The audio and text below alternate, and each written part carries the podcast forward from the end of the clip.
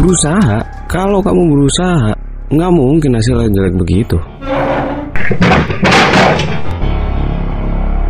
Kamu itu loh, selalu main sama kucing sampai lupa belajar. Sini, aku buang kucingmu. Bu, jangan. Bayu mohon banget jangan buang kucingnya. Diam! Kalau ibu buang, Bayu nggak ada teman.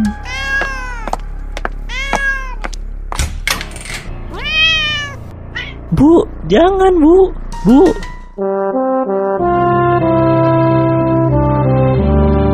Selamat datang di podcast obrolan meja makan. Podcast persembahan Medio Podcast Network bersama Nova. Sebelum mendengarkan podcast ini, jangan lupa untuk beri rating terbaik kamu dan follow podcast ini serta media sosial kami di Instagram at Medio by KG Media, at Tablet Nova Official, dan di TikTok kami at Medio by KG Media.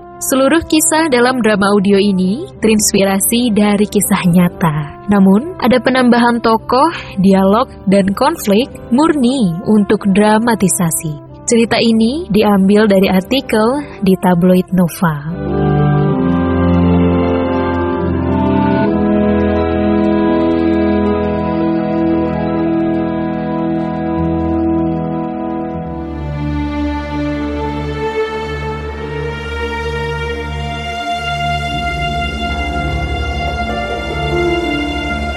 Aku berharga, aku berharga, aku berharga. Aku anak baik, aku anak baik, aku anak baik.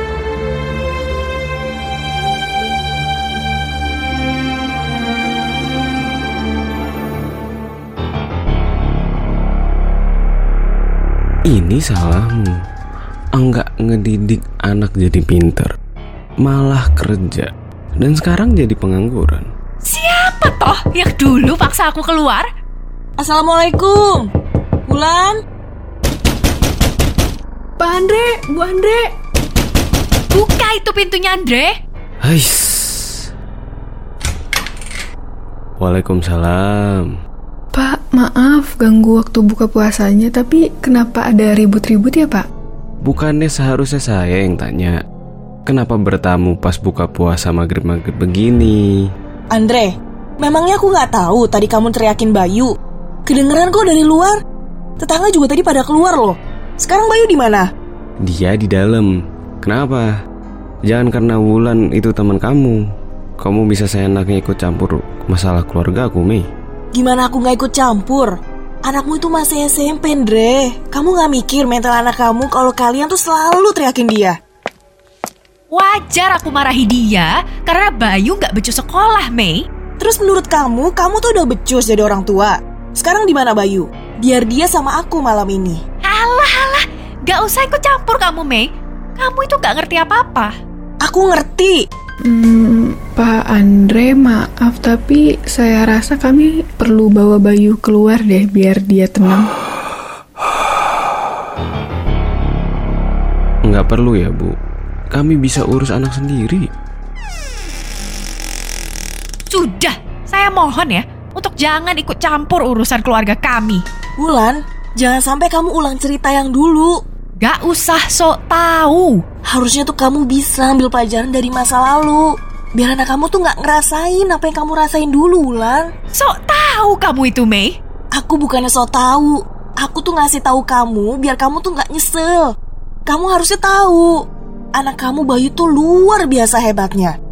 Dia masih SMP, tapi dia udah bisa masak buat orang tuanya. Bisa nyuci dan jemur bajunya sendiri. Beres-beres rumah tanpa disuruh. Kalau bisa aku bilang, anakku tuh rajin belajar, pinter, tapi dia mungkin belum dewasa untuk beres-beres rumah, belum bisa masak, belum punya inisiatif untuk bantu orang tuanya ini itu. Tiap anak itu nggak bisa sama Wulan. Bayu unggul di hal A, anak lain di hal B. Kamu harusnya mikir lain. Mungkin Bayu nilainya jelek karena dia fokus banyak hal. Lagian Wulan, nilainya yang lain bagus kan?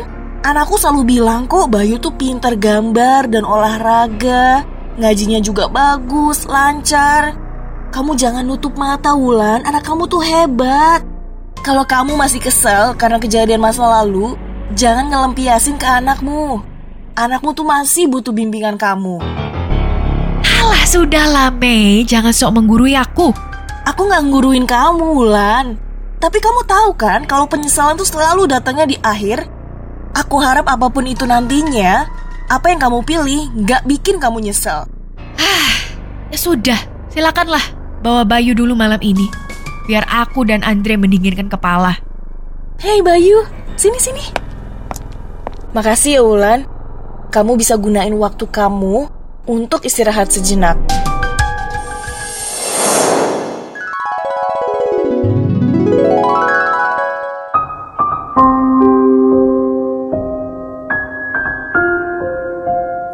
Di masa mudanya merupakan anak yang sering dibanding-bandingkan oleh orang tuanya.